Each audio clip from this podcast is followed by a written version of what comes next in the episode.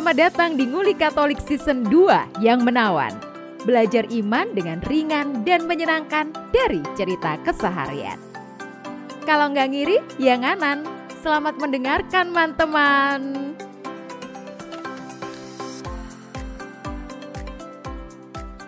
Halo Sobat Bamble. Ada satu berita dari BBC News Indonesia yang diposting di akun Twitternya mereka tanggal 27 Desember kemarin tentang uh, sekumpulan perempuan. Di sekumpulan. Itu seperti anu ya definisi populasi. Arisan ya. Populasi adalah sekumpulan makhluk hidup sejenis. Gara-gara barusan kayak nganggur belajar biologi. ya. perempuan. Ini coba mungkin mereka ini juga nganggur karena mereka ini mengklaim eh nggak tahu ya. Uh, perempuan ini menahbiskan diri menjadi seorang pastor hmm. gitu. Jadi ada lebih dari 200 perempuan yang sudah mengklaim dirinya sebagai pastor melalui upacara penahbisan tidak resmi yang kemudian oleh Vatikan menurut mereka mereka ini dikucilkan gitu. Dari uh, beritanya ini bentuknya seperti video ya, highlight begitu. Hmm. Uh, kalau melihat lokasi, waduh melihat lokasi. di situ tandanya itu cuman gini, mereka ditahbiskan di sungai mana tadi saya nanyain sungai mana? Sungai Danube. Setelah kita googling ternyata sungai Danube itu mengalir di beberapa negara di Eropa hmm. gitu. Jadi bisa jadi mereka ini ada di Austria, mungkin di Hungaria, di Slovakia, atau di Jerman gitu. Secara kita semua nggak pernah ke negara-negara ini gitu. Nah, obrolan kita adalah se uh, sebagai seorang Katolik yang dibaptis dari kecil sampai saya segede ini, setua ini, itu pastor adalah laki-laki. Hmm. Tiba-tiba mereka mengklaim diri sebagai pastor perempuan. Nah, akhirnya muncul pertanyaan, benar nggak nih Katolik ya? Hmm. Atau Kristen atau bagaimana? Tetapi dalam uh, pernyataan mereka, mereka pun katanya sudah bertahun-tahun meminta kepada Vatikan untuk membatalkan larangan perempuan menjadi pastor. Hmm. Gitu. Hmm, kon kontribusi Anda cuman hmm, aku kan backsound hari oh, ya backsound ya gitu. Kenapa ya kok uh, gereja Katolik itu hanya memilih pria menjadi seorang pastor gitu. Lalu mungkin kita akan melihat benar nggak sih ini Katolik beneran apa enggak gitu ya?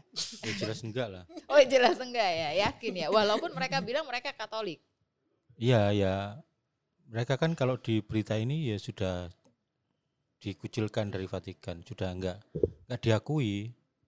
Ya mereka tetap memilih jalan itu lalu ekskomunikasi ya. Ya ada beberapa konsekuensi itu mereka nggak bisa menerima sakramen di videonya mereka sudah mengakui ya memang nggak bisa. Ya maksudnya gini loh apa uh, uh, ya sudah sudah final soal itu sudah final. Tapi bah bahwa sudah final bahwa di gereja Katolik tidak bisa ada imam perempuan ya sudah itu itu sudah selesai gitu maksudnya kita sekuat apa pun diskusi ya nggak bisa nggak bisa merubah. Dan itu sudah banyak ininya ya sudah banyak pendasarannya sudah banyak. Hmm. salah satunya yang paling utama ya yang sering kita dengar itu apa uh, Yesus memilih uh, eh, 12 rasulnya ya pria lalu 12 orang itu memilih murid-muridnya juga pria semua. Beberapa perempuan yang ada di sekitar itu di circle itu ya ya membantu membantu dalam uh, apa uh, perjalanan para murid tapi bukan sebagai imamnya. Tapi maksudnya eh, yang mau kita diskusikan itu sebenarnya kalau menurut saya ya, ya peran perempuan di gereja Katolik. Tapi kalau soal apakah ada kemungkinan itu kayaknya enggak ada. Apakah ada kemungkinan imam gereja Katolik itu perempuan ya enggak ada itu sudah selesai. Enggak ya. ada memang, tapi gini mungkin sudut pandangnya adalah mungkin juga bagi sobat Bamble yang dengerin itu kayak uh, masih bertanya-tanya. Mungkin ada yang bertanya-tanya, iya ya, kenapa kok gereja hmm. Katolik itu milihnya cuma laki-laki tuh? Apakah karena oh. Yesus? Oh yo Yesus pasti laki-laki dulu yang diajarkan ke saya kan memang imam itu uh, meniru kehidupannya Yesus gitu ya. Dia hmm. mengajar ke mana-mana, tidak terikat pada rumah gitu. Jadi diutus ke mana pun oke, okay, seperti Yesus mengajar dari kota ke Hmm. kota seperti itu, maka dia tidak perlu punya keluarga supaya Nah. tidak terikat. Gimana? Mungkin ya ada selain dari kitab suci misalnya. Kalau dari salah satu yang ku baca misalnya dari da- dari soal sakramen imamatnya itu sendiri atau soal imamatnya. Kan kalau baptis kita itu semua menerima eh, apa? tugas. ya iya menerima baptis. itu ada buah-buahnya itu salah satunya ya eh, apa kita mengemban tri tugas Kristus, imam, nabi dan raja. Dengan kata lain kabeh iki lek wis dibaptis iku ya duwe tugas imamat. Tapi Hmm. imamat umum gitu loh. Bukan Jadi- imamat jabatan. Bukan imamat jabatan. Jadi semua laki perempuan semuanya bestua. Aku bisa nih. Yo ya. iya, itu itu catatan pertama. Jadi Hmm. eh apa artinya apa ya? Kita semua diajak untuk eh, imamat itu kan eh, mengkuduskan dirinya, mengkhususkan dirinya, mempersembahkan diri bagi Tuhan. Nah, Kita ini terus- ya sudah imam sebenarnya imam Betul. dalam pengertian baptis itu ya. Ya, Mm-mm. itu sih.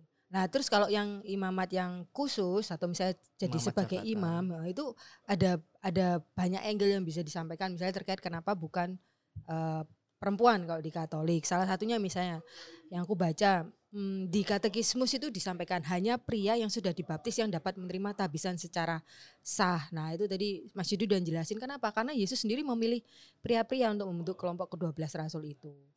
Lah terus gereja ya terikat pada da pilihan atau ketentuan Yesus itu sendiri Hmm. gitu. Kan kita pro Yesus ya. Maksudnya Iya. Yesus ngomongnya itu masa kita uh, bikin kebijakan sendiri. Terus yang ke lah yang satu ini juga ini sih aku ya juga berusaha mencerna. Jadi soal imamat itu sendiri tuh nggak seorang pun tuh seorang pun tidak punya hak untuk menerima sakramen tahbisan. Jadi maksudnya itu imamat itu adalah anugerah Iya. Hmm.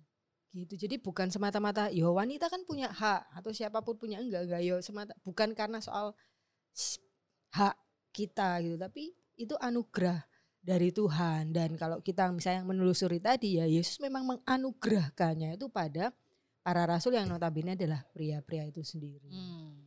begitu sih itu dari salah satu angle ada banyak ada angle-angle yang lain sih yang bisa nanti dicari atau teman-teman bisa cari di website-website Katolik ya teman-teman. Jangan cari di website yang lain yang malah kontra gitu nyasar berarti nanti. Ini ada juga alasan teologisnya tentang gereja itu mempelai wanita, Kristus mempelai prianya. Mm-mm. Gitu. Oh iya Ya, iya. bisa Konsep iya. teologis Oh iya iya. Oh iya iya iya. Makanya kalau wanita misalnya dengan wanita kan enggak tuh Iya, kayak misalnya itu ada kaul, kaulnya biarawati. Itu ada Hmm. redaksinya.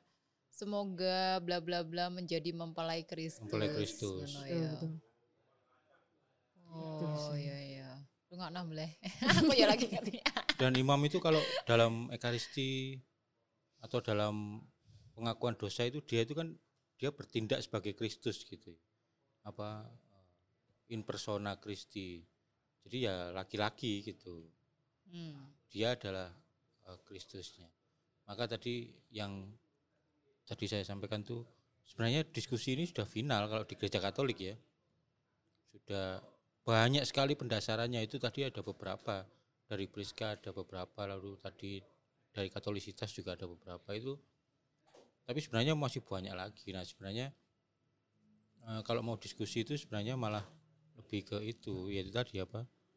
Eh, Peran, Peran perempuan, perempuan. dalam gereja. dan apakah kalau perempuan tidak menjadi imam tuh lalu dia menjadi kurang kudus atau kurang berkontribusi kurang berperan gitu kan juga enggak. Nah itu itu juga bisa dilacak di dalam berbagai dokumen. Ternyata gereja sangat memuliakan perempuan. Dalam pendapat eh, perempuan-perempuan ini, 200-an perempuan yang mengklaim diri sebagai pastor adalah ketika ini pendapatnya mereka ya, ketika mereka tidak bisa menjadi imam berarti gereja itu seperti memandang sebelah mata perempuan.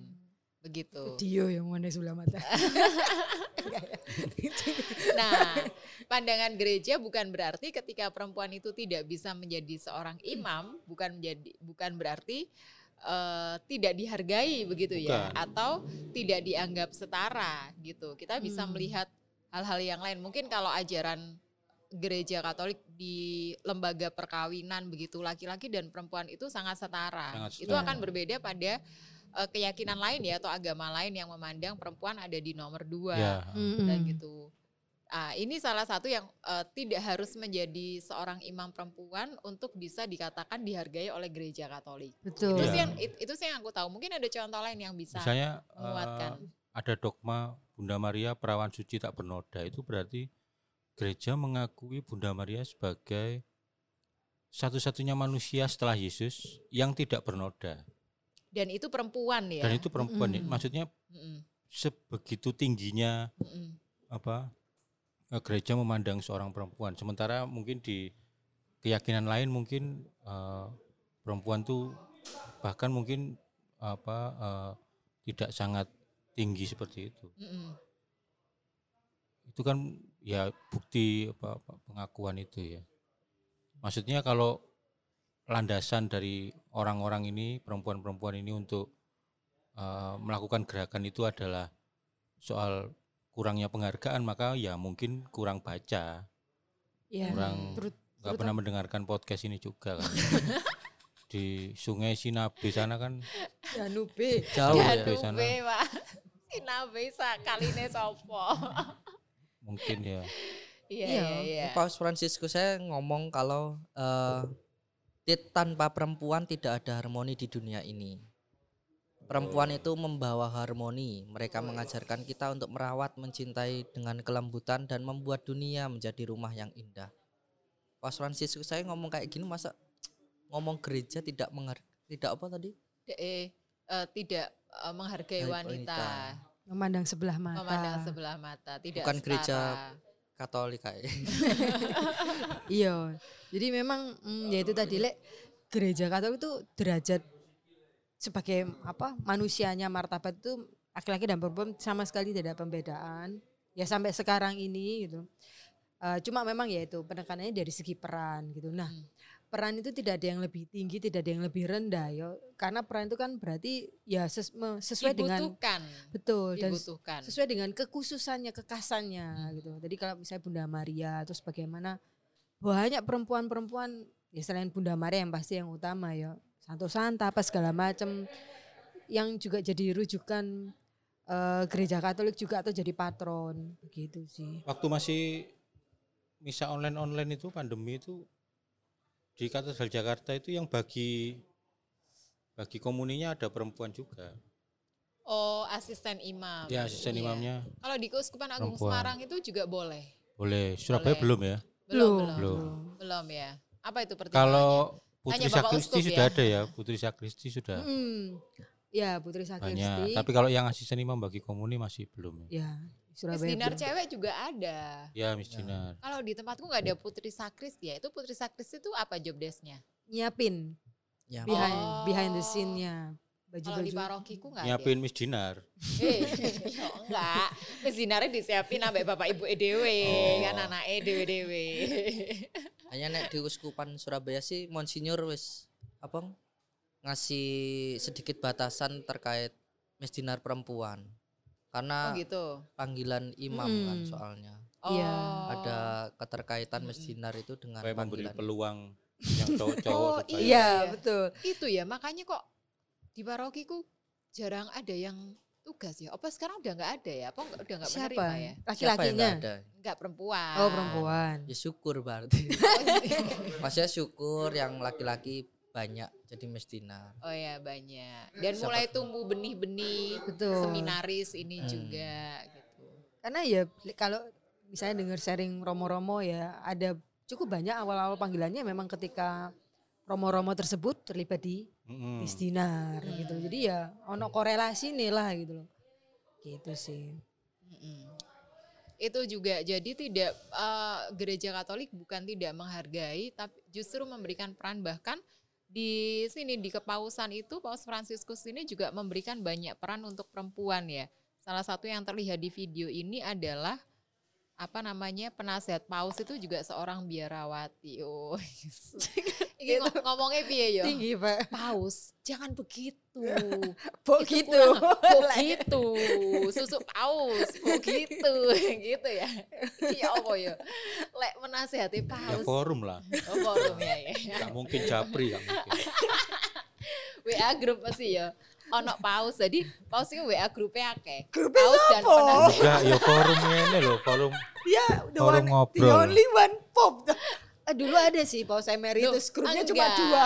maksudnya itu bukan ke sesama paus Oh, deh kan kira- oh dengan dewan DE penasehat. paus sampai dewan penasehat terus Iya, kok iya, iya. paus sampai dewan ekonom paus sampai dewan ahli teologi koyo ngono eh Oh, iki iya, apa iya, iki iya. ajaran gereja ngono yo gak lah yo paus itu gak kurang-kurang waktu isi berdoa lah po cecetan dek WA grup kayak kita Terus ngirim ngirim-ngirim stiker sing salam sehat selalu itu. Grup lansia. ngirim-ngirim stiker wes wes gak ono lah ya tapi paus duwe WA kan kok Punya lah.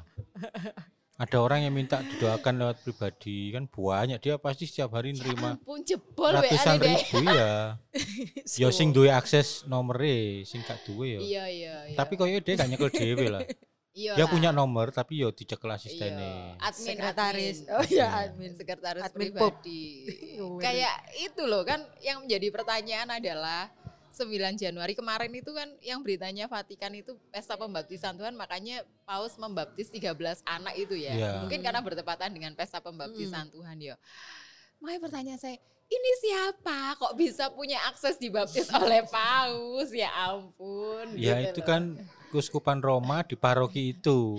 Jadi aku like kepingin anakku dibaptis sampai Paus, aku kudu pindah merono ya. Hmm, Dan ya, Katedral Roma kan itu. Iya ya. Paroki Milanisti. koyo pal-palan. Iya. Milanis itu lah fansnya apa? Nama fansnya apa? AC Milan. Oh AC Milan. AC Milan ku Eropa ya? Oh iya. iya. Italia. ya. Oh Italia. Iya. Iya benar. Ya sekitar situ lah. Oh, Paroki iya, iya, sekitar iya. situ lalu baptisnya ya di katedral situ. Oh. Dilana paus selo. Heeh. Kemeru ya. Milan salah ngono ya. Wapi eh. Itu tadi kan lihat ya. Baknya untuk yang nuangin air tuh ya. Iso ukiran koyo ngono. Waduh, secara di foto itu sudah cukup instagramable. Iya gak ono ya. Pasti warganya itu tidak apa namanya tidak. Oh, ya udah lah. Aduh, ayo ayo ayo Pak kita pindah ke apa tadi?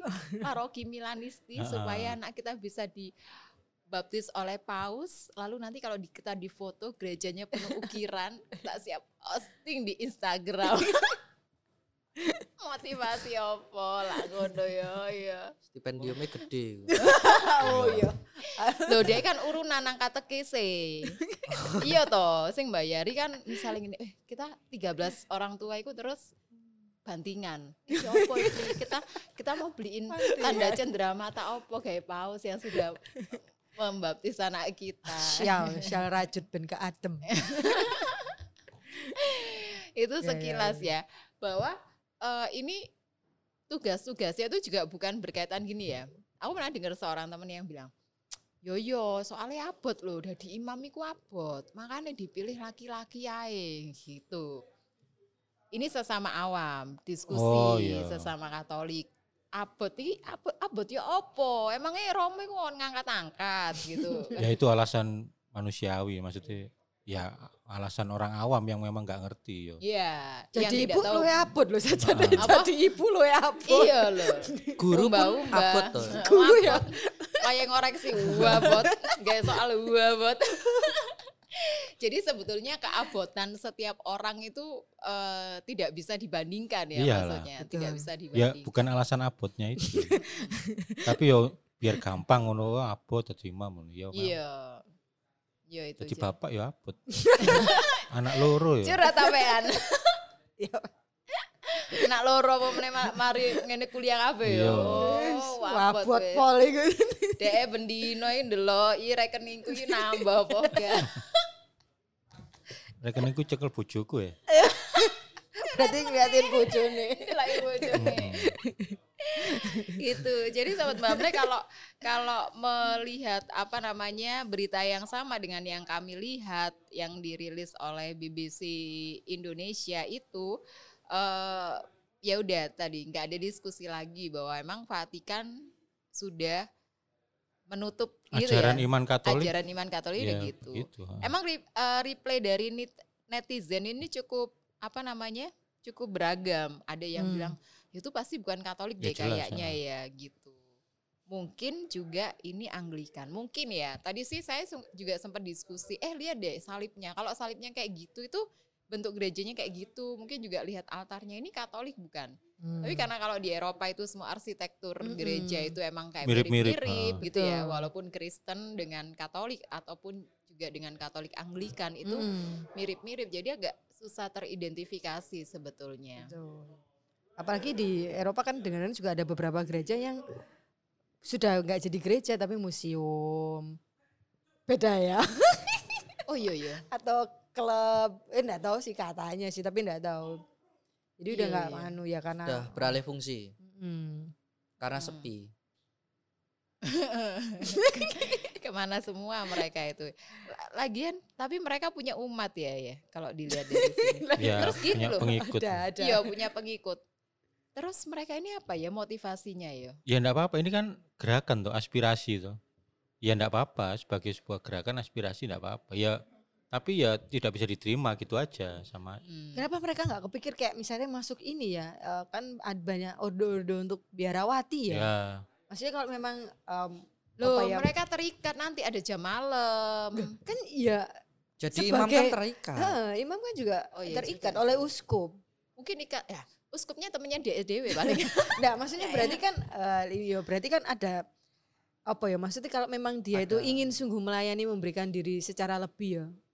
Mungkin ada pemberontakan. Kayak Oh, pemberontakan. Pemberontakan. oh iya iya iya. banyak. Memberontak aku nggak mau jadi suster. Soalnya kan tarekat-tarekat baru itu juga kayak misalnya didirikan. Hmm, Misalnya bisa. pendiri tarekat ini dulunya adalah biarawati dari Betul. Hmm. ordo ini lalu dia merasa ada Ya, spiritualitas aspirasi yang tidak kurang ini. dipenuhi, ya. Oh, oh, Itu kan ya itu namanya aspirasi gerakan tuh kan ya bebas saja orang menyampaikan aspirasi ya bebas saja tapi ya selama nggak bisa diterima ya nggak bisa berarti kamu di jalan lain gitu. Tapi kalau dia bilang dia juga akhirnya tidak bisa dimakamkan secara Kristen atau secara ini. Dia lalu menerima tadi- sakramen. Heeh, Mm. itu berarti di- sudah disikapi oleh gereja sebagai kalau tadi bilang mungkin ini pemberontakan op- duduk pemberontakan ya Pak ya. Enggak ya gereja santai aja ya kamu aspirasi ya konsekuensinya nggak bisa sakramen gitu aja loh. Maksudnya ngerti ya? Hmm. Karena Maksudnya memang Tidak harus mengeluarkan dia- sanksi atau apa enggak. Tapi dia boleh tetap mengaku sebagai orang Katolik.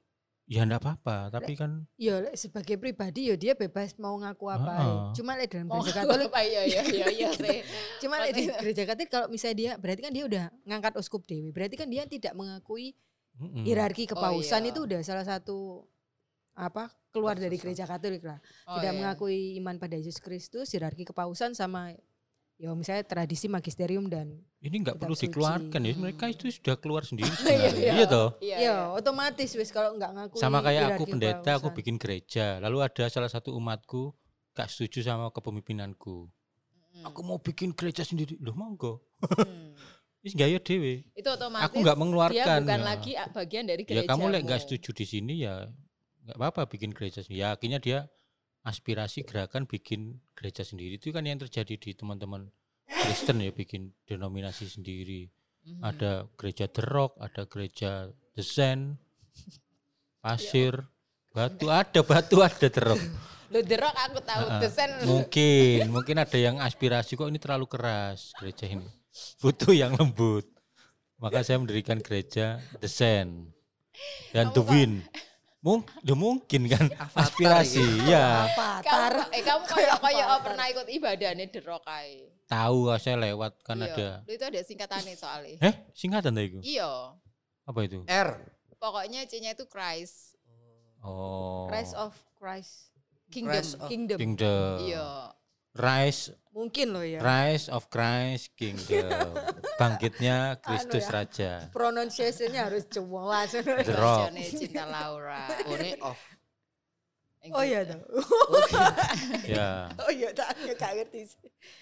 Ya, ya, ya lah, itu iya, aspirasi iya, iya, gerakan sama kayak di gereja Kristen kan gitu ya nggak apa-apa kamu nggak setuju mau bikin gerakan eh mau bikin gereja apa ya monggo Hmm. ya ini sudah aturannya begini OMK OMK yang lagi nontonin ini, maksudnya kalau nemuin berita juga nggak usah kepingin jadi pastor perempuan ya. Kalau ingin mengabdikan diri lebih lagi lebih dari seorang awam bisa Jadilah memilih. guru. Aku nggak promosi, nggak ikut Itu pengabdian loh. Pengabdian. luar Masuk menjadi Jadi guru tapi biarawati. Jangan yang sekitar ngagel. Beratang aja. gitu. ya sana-sana lah. ya itu total pengabdiannya, Tanpa motivasinya tanda itu. jasa. luar biasa.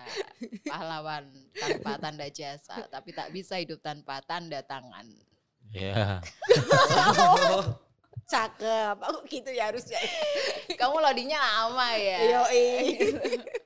Ya itu juga apa eh, salah satu sumber kritikan terbesar untuk gereja Katolik kan itu ya apa eh, kesatuan kesatuan ajaran itu yang yang hierarki itu sering dikritik Kok kenapa Hmm. kok satu tunggal gitu Hmm. seolah-olah tidak ada demokrasi lalu kesatuan Iya. Memang ajaran ada, memang nggak ada teokrasi. ya. memang nggak ada Pancen gak enak. demokrasinya tipis banget boleh silakan berpendapat Seolah-olah ya. Nah, Tapi tetap ajarannya begini, ajarannya A tetap ya gitu. Itu kalau soal ajaran ya. Kalau soal misalnya forum rapat umat dengan Romo misalnya. Ah. Ya wis silakan berpendapat. Nanti putusan terakhir tetap Romo. Romo.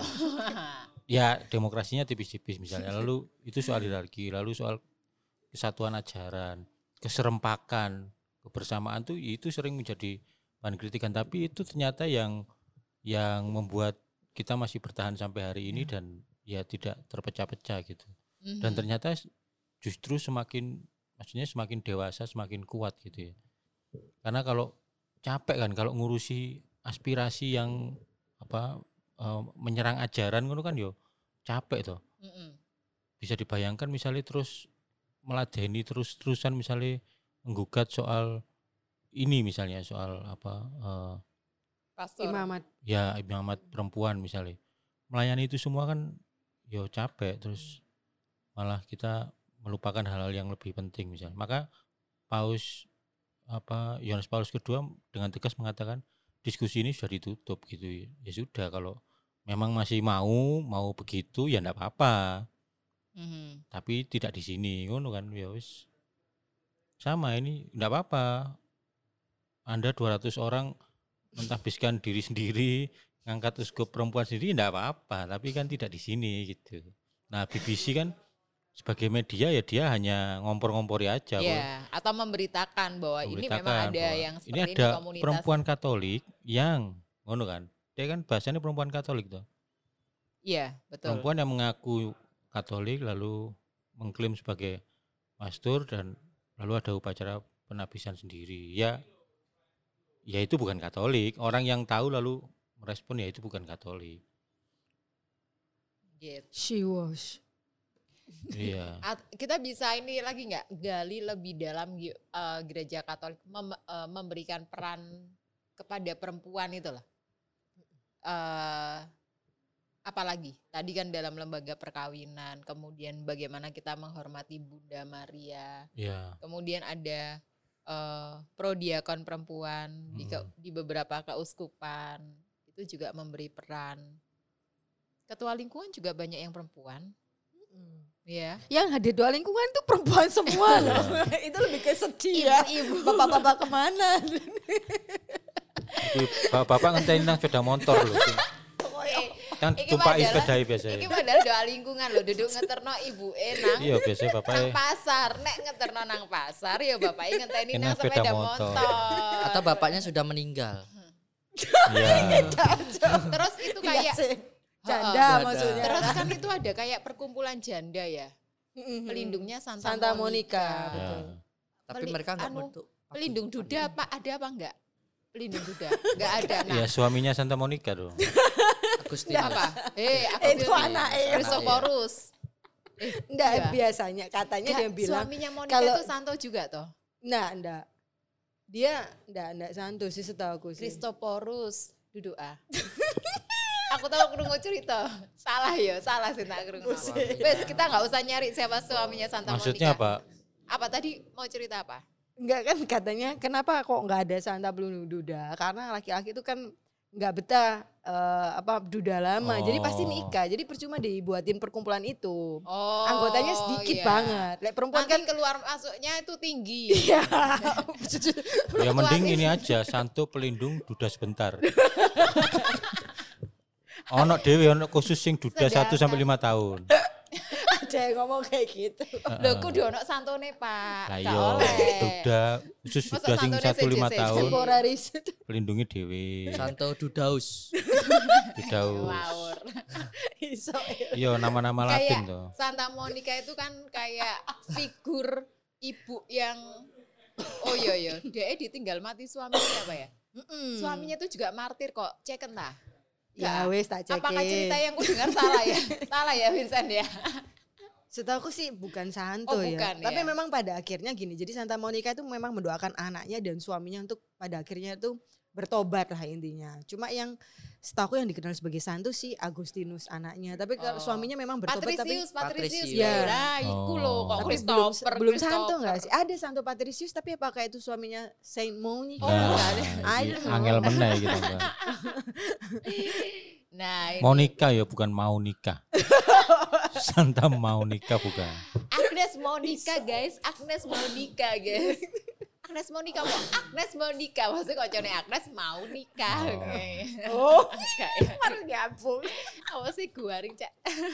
Ya itu Garing tadi kan gereja memberi Nah, kesempatan ya. untuk berkontribusi secara luas sama sekali tidak ada. Itu juga lihat pembatasan. perempuan-perempuan di sekitar Yesus juga banyak. Maria Ya. Magdalena. Terus? Siapa meneh? Wes ya ikut ya. Aku ngomong juga banyak loh. Hmm, Oh. Banyak Maria istri Klopas, Klopas atau Kleo. Kleopas. Ada yang Klopas beneran. Oh iya dah. Mm. Oh iya wes. Itu. Veronica. Veronica. Oh iya Veronica. Walaupun Veronica pun juga diomong itu bukan kisah nyata ya, maksudnya itu kayak veritas, verit, ala udah tahu. dibahas lah yang di dulu itu. Di jalan salib dia pokoknya mengusap wajah Yesus. Lah iya. Maksudmu itu toko fiksi? Ya nanti ada eh, episode tersendiri aja Oh, kita bahas soal perhentian perhentian. Kayaknya udah pernah bahas loh ya. Belum dong. Duh iya perhentian jalan salib loh. Belum. Oh iya dong. Ya, nanti kan podcast kami waktu prapaskah ya. saya suwe. Kamu tuh di podcast sebelah tak? Kamu di piro podcast ya sampai lali topik-topik kita gue Ya, ya. ya, maaf, maaf. Atau memang episode podcast kita ini udah banyak banget. Oh iya dong. Kalian baru dengerin ini? Loh, ke mana aja? Ya di sungai itu. Danube. Kalian nggak pernah dengerin podcast kita ya rugi dong gitu. Gara-gara podcast ini iman saya bertambah. Oh, karena dipaksa belajar ya. Itu tadi. Jadi perempuan-perempuan di sekitar kehidupan Yesus itu juga banyak. Eh, terus terus apa meneh ya? Terus Ya banyak lah pokoknya. Ini terus apa? Oh, terus wanita. Elizabeth, Elizabeth itu kan budenya ya. perempuan-perempuannya. Oh. Ya itu juga. Iya toh. Ada ada. Di kalau di perjanjian baru, eh, maksudnya di masa setelah Yesus kisah Rasul, Paulus itu juga eh, apa namanya mengajak atau meminta salah satu perempuan Phoebe itu untuk melayani membantu pelayanan jemaat di suatu tempat gitu. Jadi Phoebe itu nama sosok. ya Phoebe tapi like in Indonesia F E B E Phoebe. Oh iya iya iya. Oh Itu itu, orang sih. kudus. Ya setidaknya di kitab suci dikatakan bahwa yo apa namanya Itu nama karakter di Friends. Oh, oh iya iya Ya, ada. Phoebe. heeh. Iya tapi eh, Ini ketahuan umurnya. teng teng teng teng teng teng teng. ini OMK kita sekarang nggak nonton Friends guys. Nggak nonton. Udah nggak ada toh. Oh, I meet your mother. Gak ngerti pisan. Tapi jadul mana? Oh, Rohku PP ya kata ke si Juanda itu. TB Oh, kok. itu David, David PP. Kalau dalam keseharian liturgi itu juga ini loh. Ibu-ibu ini perempuan-perempuan itu juga terlibat dalam dekorasi gereja ya. Ya, Merangkai bunga. Oh itu ibu-ibu semua. betul. Ada WKRI, organisasi yang semuanya perempuan. Ya, ya. Penjelasanmu amazing. Sungguh sangat canggih sekali. Sampai canggihnya terkesan receh. WKRI, Wanita Katolik Republik Indonesia. Ya. Ojo sampai ketuanya bapak-bapak. eh Pak, pelindungnya WKRI itu siapa Pak? Romo Ono kok. Nano, Romo- moderator. Moderator. Kak, lu temenan ta? Lunggu lek Romo Nano dadi santo kan. ya? Oh iya. Santo Johannes Iya, Anano. Heeh. Eh, enggak, enggak, aku beneran. Surabaya. Enggak, Atau yang WKRI bertanya itu kan ada san- Santa Pelindung toh. Ada pasti. Ada, ada. Ada kok. Rasanya kayak mereka berdoa sama siapa gitu. Maksudnya golek audisi baru ngomong. Ini, kan- ini kamu ngomong apa golek. Ini nih aku lihat Santa Oh. Ana katanya Oh, ibunya Oh Santa Bunda iya, Maria. Santa Ana, ibunya Oh. Bunda Maria. Karena WKR itu isinya kakek, kakek eh nenek-nenek ya. eh enggak ngawur ay. Ada loh yang masih muda-muda Ada yang nenek-nenek banget. Maksudnya ada yang nenek-nenek, ada yang banget. Iya, iya, iya. Ada yang memang sampai umur 60-an tuh masih Ah, kayak bener-bener gabut nang omah. Eh, Pak, kok gitu Beneran sih? Itu loh. kesannya kayak organisasi penampung orang-orang gabut. Ya kan ada yang gabut, ada yang aktif. Oh iya iya iya. Beneran ada yang gabut but Pensiunan mungkin ya. Ya jelas. Eh, purna tugas. Oh ya, pernah tuh. Iya, Pak. purna tugas kayak pensiunan tuh kayak gimana gitu loh. Wong pensiunane Didi yo. Berkaitan dengan uang ya. Pensiunan kan koyo kok wah kejutaan ngono. Telung atus, Disyukuri, disyukuri. telung bulan pisan telung antri pisan. nang Suwe. BTPN. Nang Bang Maya pada. Suwe.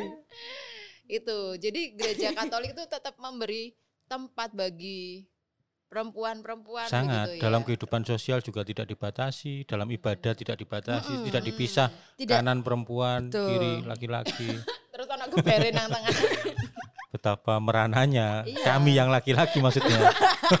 Kamu nggak bisa lihat yang bening-bening gitu ya. Iya, kan. Ah. tetap dipisah sih di toiletnya tetap harus Oh, iya. dipisah. Enggak. Untuk kebutuhan higienis ya. iya. Iya. Gitu. Jadi peran ketika ekaristi juga menjadi pemasmur, Di kehidupan di masyarakat, organis, sosial apa pun tidak. lektor itu boleh laki-laki dan perempuan dalam eh, organisasi kecil komunitas kecil lingkungan itu juga ketua lingkungan bisa si kematian juga tidak harus bapak-bapak ada juga yang ibu-ibu Iya, gitu ya betul. kemudian katekis itu pengajaran juga bukan hanya bapak-bapak gitu Mm-mm. ya banyak juga yang eh, perempuan ibu-ibu Betul. memberikan pengajaran Mm, Pengelolaan-pengelolaan rumah sakit atau panti atau sekolah misalnya ya ada suster-suster juga yang adalah perempuan. Justru gitu harus loh. perempuan kalau panti-panti Heeh, kayak gitu itu kan. Sedangkan Kayak- laki-laki kayak lebih tadi open gitu ya ya tadi bengkel. Terima servis Supra barang kok. pertama rencana Itulah eh, dia. blueprintnya itu rumah sakit, Rumah sakit. Klinik lah, klinik bersalin. terus Terima wong servis. Pak servis kipas angin iso. Iso. dan kalau dalam gereja Katolik se- sejarah gereja Katolik di, di negara mana pun itu tumbuhnya gereja Katolik dari sekolah dari rumah sakit itu Mm. mereka dari tarekat-tarekat eh, biarawati ya jadi di Betul. situ Ya, juga iya. Perempuan dan menjadi mitra gereja untuk penyebaran ajaran juga Mm. itu jadi tidak harus menjadi seorang imam eh, memimpin dalam gereja Katolik yang besar untuk bisa diakui bahwa setara dengan pria kalau dalam Mm. kacamata gereja Katolik. Kalau mau Gitu. memimpin ya enggak apa-apa, bikin gereja sendiri ya enggak apa-apa, ya monggo. Oh iya, tapi kan dia bukan Katolik Iya, akhirnya ah. gitu. Tapi ono sing percaya apa gak ngono kan masalah. Gitu. Jadi teman-teman eh, OMK sudah punya pandangan baru nih ya. Dan kalau sekarang di Keuskupan Surabaya memang lagi digetol-getolkan, digerakkan untuk eh, panggilan-panggilan seminaris yo. Panggilan-panggilan Iya. menjadi imam. Kurang kayaknya ya, Oh iya. Selalu ya, kurang. sangat kurang. sangat kurang. Berapa umat Keuskupan Surabaya? 16 ribu. 160 ribu. 160. 160 Iya. ribu. 160 ribu Itu sensus bertahun 2016. Oh, oh. Saya wis Romone 100. Satu Berarti satu romo di, di melayani bawah 150 ya. Kayaknya waktu itu waktu misa di bawah pembukaan. 150 orang. Ya, lek ambil Ah, waktu misa pembukaan TURJ, Temu Uskup Regio Jawa waktu itu Ya, perbandingannya. Selebran utamanya kan Monsinyur Ruby. Dia Hmm. bertanya, Monsinyur Tikno berapa? Hmm. Imam diosesan di Keuskupan Hmm, Surabaya. ya, Beliau tuh diosesan menyebut 140-an apa? 100 Ya. sekian ya. 150-an gitu ya. Sedangkan Keuskupan 400. Agung 400. Sumarang itu punya 400-an. Itu aja masih kurang loh mereka itu aja segitu. masih kurang. Jakarta itu masih di bawahnya KAS kok ya. Hmm. Lebih banyak KAS kan ya daripada Keuskupan Agung Jakarta. Ha, sekarang bayangin ya, taruhlah 150. 150 untuk melayani 160 Ribu. ribu. Jadi satu promo itu 10.000. harus handle 10 ribu. Itu juga nggak bisa More or 150 itu di paroki loh ya. Karena kan ada di seminari, ada yang pergi belajar, ada yang di keuskupan yang nggak punya umat. Oh iya bener ya. Mm-mm. Makanya stres palingnya udah di romo paroki. Tergantung caranya. Oh tergantung caranya. Jadi memang butuh gembala-gembala. Gitu. Ya tetap harus apa memperkuat awamnya ya. Makanya tergantung caranya itu. Mm-mm. Kalau one man show ya pasti kesusahan. Mm. Keteteran.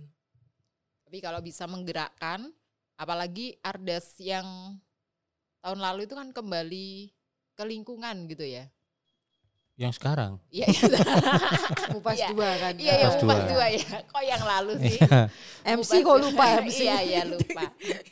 yang sudah mulai dihidupi sejak tahun lalu, tahun 2020 ya. Iya. Heeh. berakar ke lingkungan. Ketika lingkungannya kuat, maka parokinya juga menjadi kuat.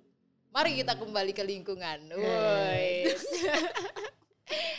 gitu ya teman-teman obrolan kita sore ini. Thank you yang sudah apa kesimpulannya mendengarkan. apa?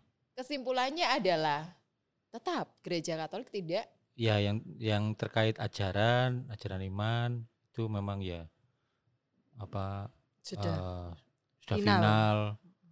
Terus soal peran perempuan sangat terbuka, diberi tempat seluas-luasnya, sebesar-besarnya sejauh dia mau berkontribusi dan kalau mau yang eh, menjadi biarawan eh biarawati juga sangat terbuka luas. pilihannya banyak ya. Heeh. Sampai ada joke kan. Pertanyaan yang nggak bisa dijawab oleh Yesus adalah salah Empat. satunya ada empat pertanyaan. tiga Jumlah Apa namanya? jumlah tarekat di dunia apa jumlah yang suster jumlah jumlah tarekat Tarekat biarawati ah. di dunia ini ada berapa apa yang dipikirkan oleh Yesuit Heeh, dan berapa kekayaan SVD heeh. apa satu lagi lali aku. Terkait biarawati enggak sih? ya itu jumlah tarekat. Jadi kalau perempuan-perempuan ini mengklaim dirinya sebagai pastor menahbiskan diri anda akan membuat Tuhan Allah punya pemikiran baru. Iki tambah meneh yang kayak gitu. Oke ya? Ya. Bye bye Bye bye. see you. Kamu nggak